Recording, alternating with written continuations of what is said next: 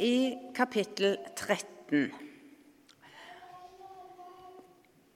Saul var 30 år gammel da han ble konge, og han var konge over Israel i to år. Saul valgte seg ut 3000 mann av Israel. 2000 av dem var sammen med han ved Mikmas og i fjelltraktene ved Betel og 1000 var sammen med Jonathan ved Gibea i Benjamins landområde. Saul sendte resten av folket hjem igjen, hver til sitt. Jonathan slo vaktstyrken til filistrene i Gibea, og det fikk filistrene høre. Saul let hornet gjalle over hele landet, for han sa:" Dette skal hebreerne høre. Hele Israel fikk høre at Saul hadde sleget vaktstyrken til filistrene, og at filistrene hadde lagt, hadde lagt israelittene for hat. Da ble folket kalt ut for å følge Saul til Gilgal. Filisterne samla seg til strid mot Israel med 3000 vogner og 6000 ryttere og med fotfolk så mange som sanden på havsens strand. De drog opp og slo leir ved Mikmas øst for Bet-Aven. Israelittene ble hardt pressa, og de så hvor farlig det var. Gjømte noen seg i huler og tornebusker, i fjellkløfter, underjordiske ganger og i brønner medan andre rømte over Jordan til landområder i Gad og Gilad. Saul var fremdeles i Gilgal, og hele folket følgde han, skjelvende av redsle. Han venta i sju dager, til den tida Samuel hadde fastsett. Men Samuel kom ikke til Gilgal og folket tok til å spreie seg og gå fra Saul. Da sa han, Kom hit med brennofferet og fredsofferet. Så bar han fram brennofferet. Han var nett ferdig med å ofre da Samuel kom, og Saul gikk til møtes med han for å helse han velkommen. Samuel sa, Hva har du gjort? Saul svarer. Jeg så at folket spredde seg og gikk fra meg. Du kom ikke til fastsatt tid, og filisterne samla seg ved Mikmas. Da tenkte jeg, nå kommer filisterne ned til Gilgal og går til åtak på meg uten at jeg har bedt om velvilje for Herrens andlet. Derfor våga jeg meg til å bære fram brennofferet. Da sa Samuel til Saul:" Du har båret deg uvittig åt. Du er ikke halve det båt som Herren din Gud gav deg, for da ville Herren ha stadfest kongedømmet ditt over Israel for alle tider. Men nå skal kongedømmet ditt ikke stå ved lag. Herren har leita seg ut en mann etter sitt hjerte og kaller han til fyrste over folket sitt for du har ikke halla det Herren bød deg. Så gjorde Samuel seg ferdig, og han tok ut fra Gilgal og for opp til Gibea i Benjamin. Da Saul mønstra folket som hadde samla seg rundt han, var det om lag 600 mann. Og Så leser vi videre noen vers fra kapittel 15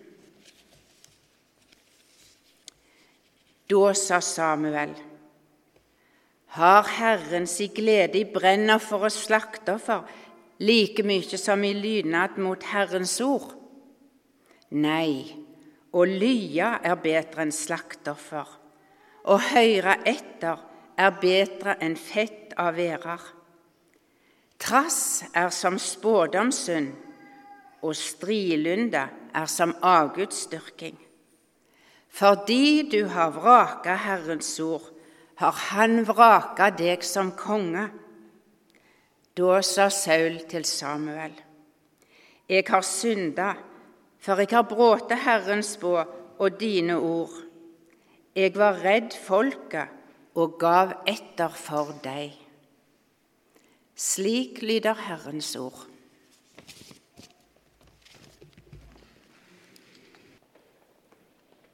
Noe av det som har vært flott med å ha vært misjonær i Thailand, er at det har gitt meg tilgang på fantastisk natur. Og En av de tingene som vi ikke fikk gjort mens vi var misjonærer, men som vi gjorde noen år senere, var tilbake, det var kanskje 10-12 år siden, det var å reise på snorkleferie i Sør-Thailand. Å komme til Godao, ei øy som ligger litt ute i sør der med fantastiske koraller. Å bestille en sånn tur der vi skulle være ute en hel dag, det var noe jeg hadde gleda meg lenge. Jeg hadde sikra meg nye linser fordi at jeg ville kunne se under vann òg. Så jeg hadde både linser og dukkermasker og var klar for denne opplevelsen. Og det der å hva si, være på overflaten kan du si, og se det vakre der, men få lov til å bare stikke hodet ned i vann og så er det en helt ny verden av koraller. Og Det er litt sånn som mange har sett på fjernsyn. og Kanskje har noen vært i områder med flotte koraller over. Det er liksom Great Barrier Reef i Australia som er neste da, for at det skal kunne slå det jeg har opplevd allerede. Men det der med å måtte bare få øye på fisker Og Jeg husker jeg så sverdfisk. Fem sverdfisker som bare kom svømmende. Ca. så lange. Helt magisk, liksom det der livet som var der. Men fargene i korallene, fargespillet, formene Alt det der livet som var imellom, med anemoner og forskjellige ting som vokste på korallene. Det var en helt magisk opplevelse.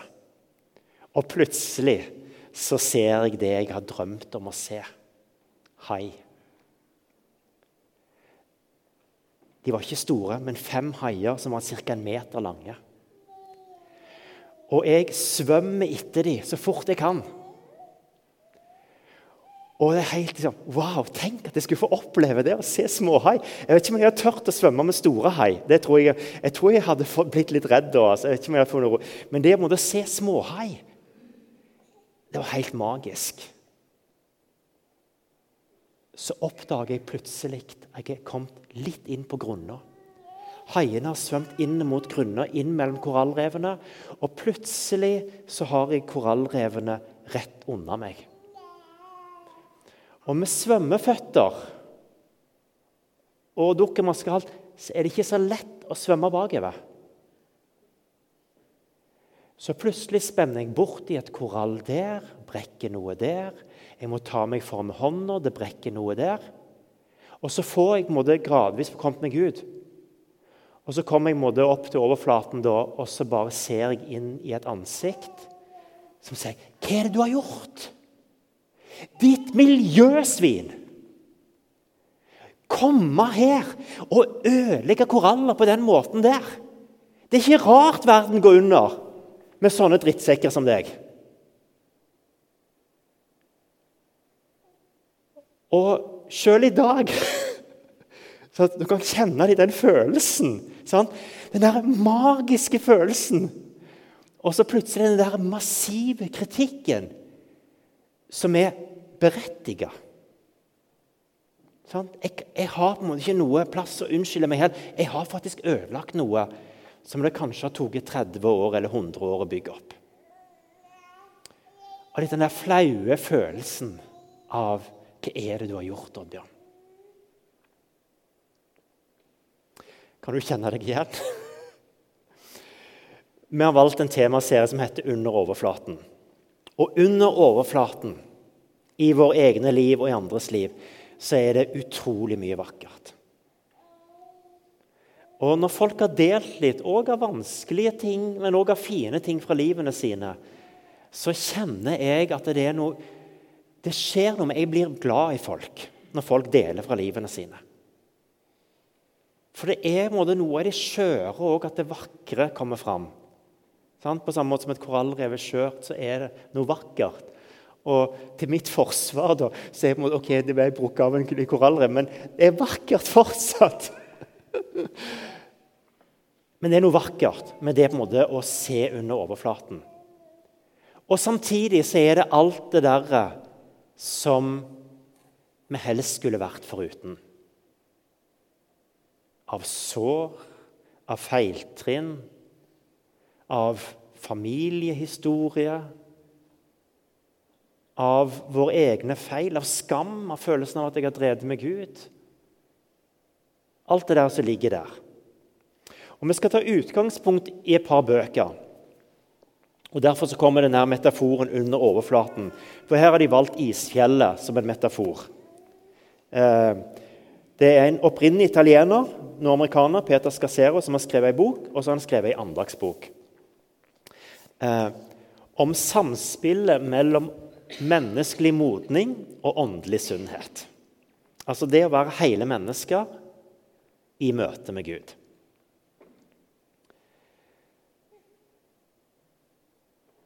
La oss ta med den metaforen litt inn mot fortellingen om Saul og David.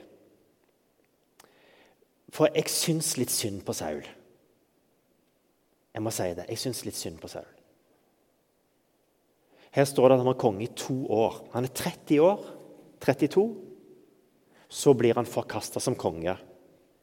Men det skal faktisk gå enda ganske mange år før på et vis David tar over. Så selv om David blir salva til konge, så går det mange år eh, før David blir konge, for Saul han sitter på kongstrona. For jeg ble sånn ute, Han sitter ikke bare i to år. Men det som skjer etter to år, så vet han på et vis at han ikke kommer til å bli værende som konge. Så de neste 30 årene som han sitter på trona Noen sier 30, noen sier 40 år. Eh, så sitter han som konge med en viten om at Sånn som fortellingen er blitt fortalt, at Gud har forkasta. Så det blir hans livsfortelling, som Bibelen skriver ned. Gud har forkasta deg fordi du ikke hørte hva han sa, fordi du gikk inn og ofra istedenfor å vente på Gud. Du var ikke lydige, og derfor har Gud forkasta deg. Det er blitt fortellingen i Bibelen. Men jeg undrer meg på om det er en større fortelling her. Fordi David er han en helgen? En mann etter Guds hjerte? Han får, han får et godt ettermæle. Men han gjør de samme feilene som Saul. Han hører ikke på hva Gud sier. Han går sine egne veier. Han tar snarveier. Han bryter ekteskapet og legger an på ei dame som er gift, og får mannen drept i et slag for han skal kunne gifte seg med henne. Han går ganske langt. Han unnlater å ta tak i grove, alvorlige ting i familien. Og det er konflikter. Og Han må stadig komme tilbake til å si, 'Gud, jeg har synda mot deg. Jeg trenger din tilgivelse. Jeg trenger en ny start.' På samme måte som Saul kommer tilbake og gjør det. Hva er da forskjellen mellom Saul og David?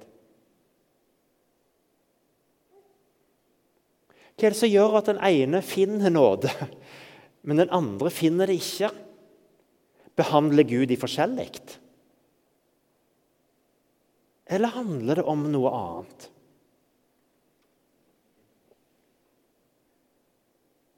I vår så henta vi tilbake nådelandet. Og det, det, var liksom Noe av det første jeg fikk høre når jeg kom til Veavågen. det var det der, Vi hadde en temaserie, 'Nådelandet'. Og sånn som jeg har hørt den fortellingen, og meg og Ove tok en prat om det, så, så var det for mange en sånn opplevelse av at Guds nåde òg bærer hele meg. At Guds nåde handler ikke bare om å komme inn den der smale porten til himmelen. Men det handler om en opplevelse av at Guds nåde er der og bærer hele meg. Og Det var noe av det jeg hadde lyst til vi skulle hente fram igjen i vår. Og, og dra med oss inn i denne serien. Og Hvis jeg tar metaforen med isfjellet, så er det samme hvor djupt et isfjell går, så er det i havet. Det er båret av havet.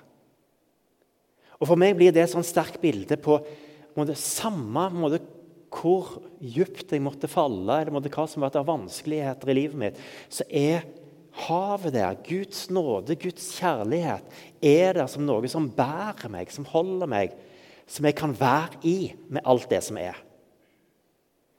Og Det er der jeg undrer meg på om det er det som Saul går glipp av.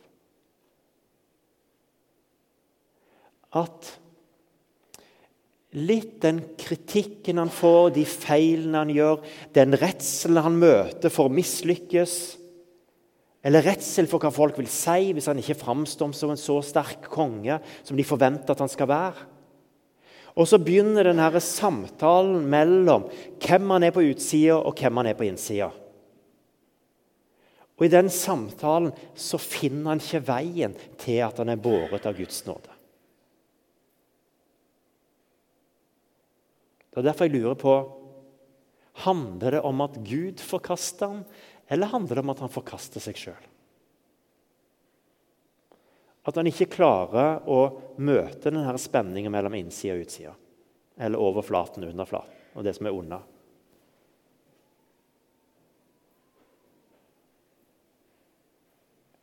Jeg tror iallfall at eh, Saul hadde samme muligheten som David til å komme og finne det, men han fant det ikke.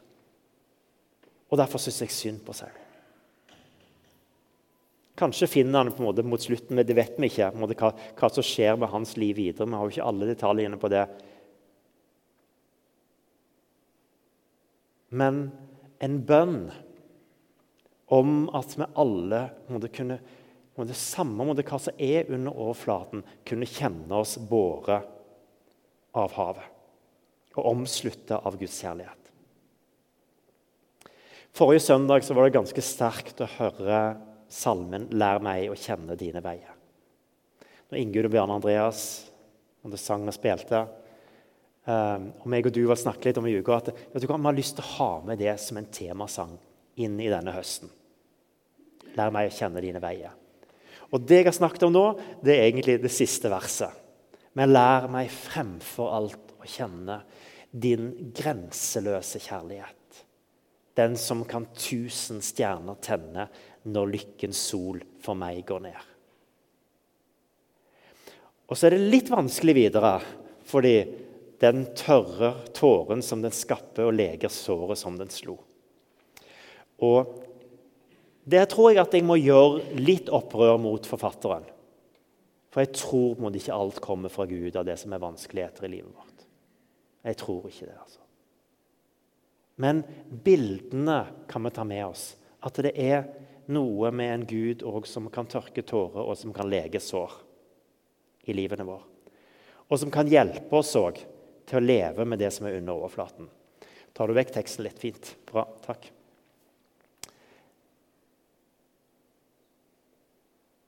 Jeg må bare finne tråden videre.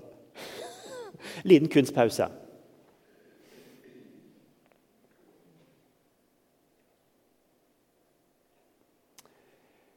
De to andre versene i 'Lær meg å kjenne dine veier' sier noe om, om å lære veier å gå.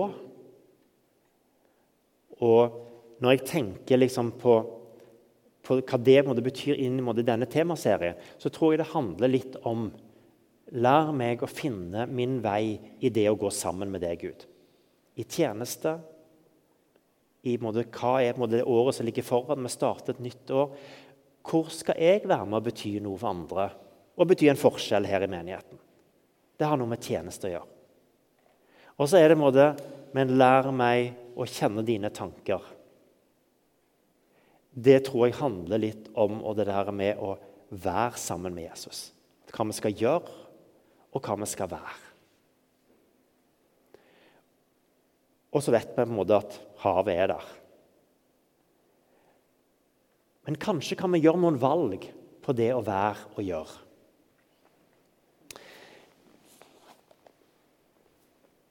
Denne inviterer til en vandring på det å være med Jesus. Her er det ikke så mye på en måte hva vi skal gjøre. Eh, Puls er andagsbok. Det går an å bestille den fra Luther forlag. Jeg skal gi dere noen smakebiter på medarbeidergrupper og på nettsida, så dere kan prøve. Og dere skal få en liten smakebit her i dag. Eh, men jeg syns egentlig det, det var litt gøy, den underteksten. En 40 dagers reise med overkommelig hverdagsbønn. En 40 dagers reise med overkommelig hverdagsbønn. Og jeg tror at det, det jeg har lyst til måtte, å utfordre litt på dette semesteret, det er å prøve å finne På hvilken måte kan du øve deg i å være sammen med Jesus? Med alt det som livet er. Jeg har blitt utfordra sjøl og har begynt litt forsiktig. Eh, så jeg har begynt med denne. Eh, men det som har vært utfordringen til meg, har handla litt om at eh, jeg har en ønske om å finne en liten pause i dagen tre ganger i løpet av dagen. Morgen, middag og kveld. Og Det kan høres ambisiøst ut, men, men, kanskje er det litt sånn at jeg har vært litt sånn skippertaksmenneske. At ja, da gjør jeg det skikkelig. Sant? Da reiser jeg på pilegrimsreise eller retreat. Sant? Dere som kjenner meg. Sant? Reiser sju dager for å være stille med Gud. Fantastisk. Men det er litt å få det inn i hverdagen som kanskje er min utfordring. Eh, og der er jeg litt på jakt etter å finne denne rytmen til å bare være med Gud. Og det som denne foreslår, det er to minutts stillhet en liten refleksjon rundt en bibeltekst og to minutter stillhet. Så at jeg klarer det på jeg prøver litt nå, jeg klarer det på seks-sju minutter. Og så er det måte da utfordringen min å få det til tre ganger til dagen. Men hvorfor? Eh, og det er der jeg tenker litt at vi må øve oss i å legge vekk den der dårlige samvittigheten og hva vi skal få til. Det må vi bare øve oss på. Dette handler ikke om at vi skal være flinke eller få til noe i møte med Gud. Men det handler litt om å åpne opp for det som Gud vil gi oss. Og Det handler ikke om at Gud er gniende, at Gud skal belønne oss for at vi er så flinke. Men jeg tror vi trenger det. Jeg tror vi trenger å bli litt stille og jeg tror vi trenger å finne den rytmen for å kjenne litt alt det der som omslutter oss av Guds kjærlighet og nåde. Og kanskje for å komme i kontakt med noe av det som rører seg under overflaten. Og så, Vi har jo en bønnegruppe her i menigheten, og de samles jo til å be før gudstjenesten. Men de ber òg gjennom uka hvis det er spesielle bønneemner. Og nå kom det måtte en, Av og til sender de sånne hilsener, bibelvers eller bilde. eller et eller annet sånt. Og Så fikk jeg et bilde før sommeren, og så dukket det opp et annet bilde, men de ligna veldig på hverandre nå denne uka som var. Jeg tror det var i går eller foregårs den siste kom. Så jeg tenkte ja, kanskje Gud prøver å få oppmerksomheten min på det. Jeg vet ikke. Men jeg har lyst til å dele det bildet med dere. Og kanskje kan det si noe òg om hvorfor skal jeg ha et ønske om å være sammen med Gud. Det ene bildet som jeg fikk før sommeren, det var bildet av et sår som er dekka av plaster og bandasje. Og på et eller annet tidspunkt så er det tida for å ta bandasjen av og la lufta komme til og fortsette å gjøre mot sin helbredende virkning i et sår.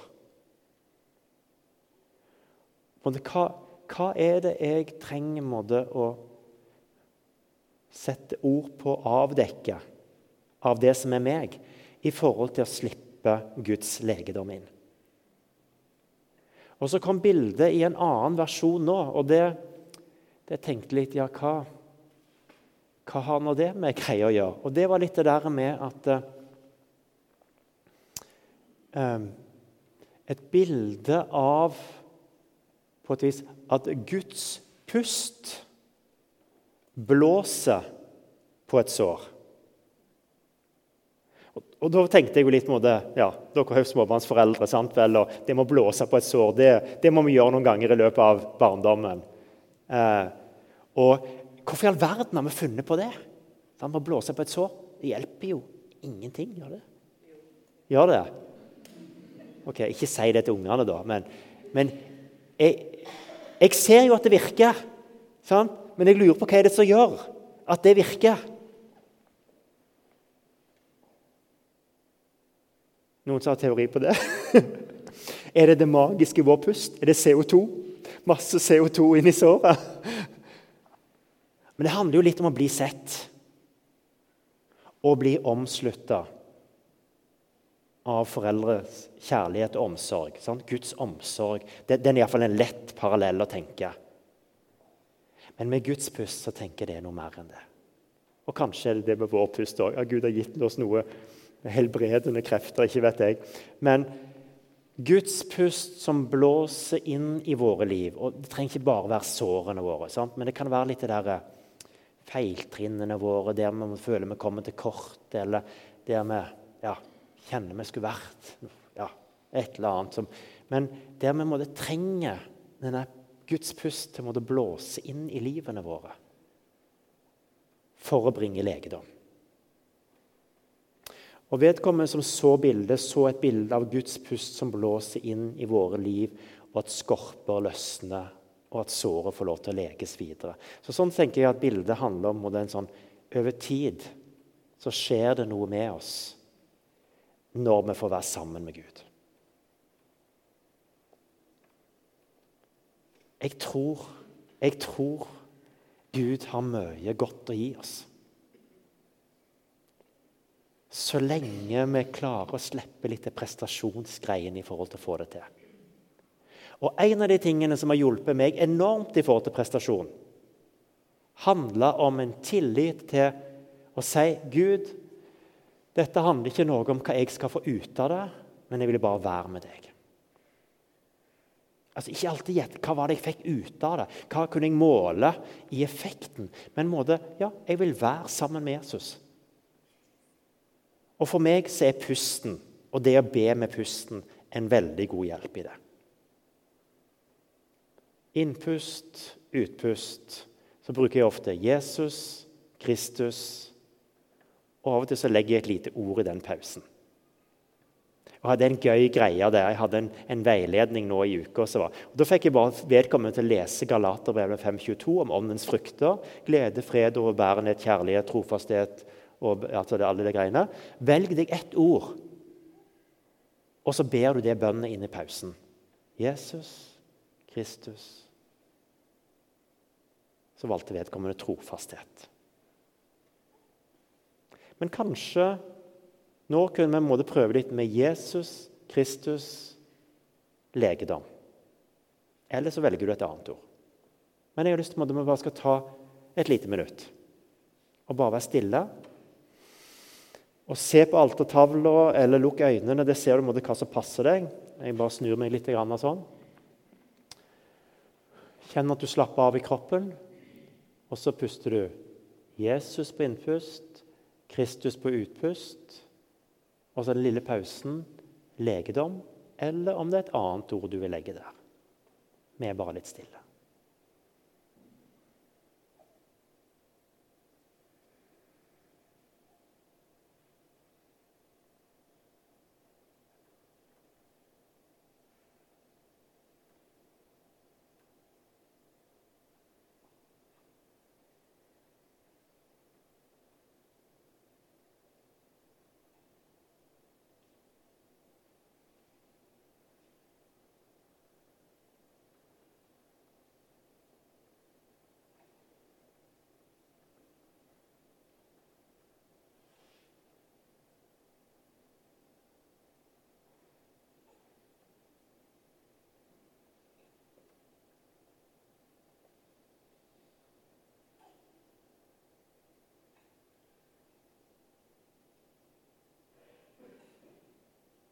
kan ta og runde av der. Det er litt hva som måtte vi kjenner må det er ok å gjøre i en sånn setting, liksom når vi alle samler med forskjellige. Men se om det kan være en måte å ta med inn i bønnen. Um, og så, Når jeg har introdusert for folk, så har de jo ofte sagt ja, men hva skal jeg gjøre med alle de tankene som kommer da? Uh, og så, så, Jeg sier ofte det måtte, La tankene bare komme og gå.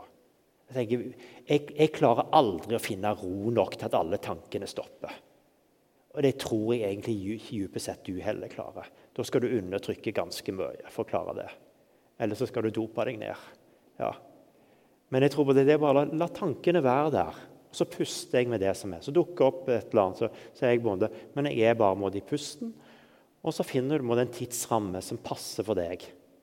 Jeg setter på alarm. Jeg, jeg har en sånn meditasjonstimer. Så, så, så, okay, så bare bli enig. Nå skal jeg ha to minutter stillhet. Så setter jeg på det. Og så er jeg både i den rammen som jeg har sagt. Jeg tror det handler noe om måte, ja, hva ønsker du for det året som ligger foran. Og ta noen valg som ikke handler om prestasjon, men som handler om å være sammen med Jesus. Og Så skal vi fortsette dette her utover høsten, så du trenger ikke få alt på plass i løpet av de neste to ukene. For ellers har ikke jeg noe å gi dere om to uker. Så det, det er fordelen at det, dere strever litt med det en stund til. Uh, så kan vi heller gå et stykke vei i lag utover høsten. Og så skal vi ha med både, når vi nå synger 'Lær meg å kjenne', alle tre delene. Det som bærer, det å være med Gud, som er mitt valg, noe jeg gjør aktivt på å være med Gud. Og så er det hva jeg skal gjøre sammen med Gud dette semesteret. Alle de tre skal få lov til å være med oss inn i et nytt semester. Vi synger sammen.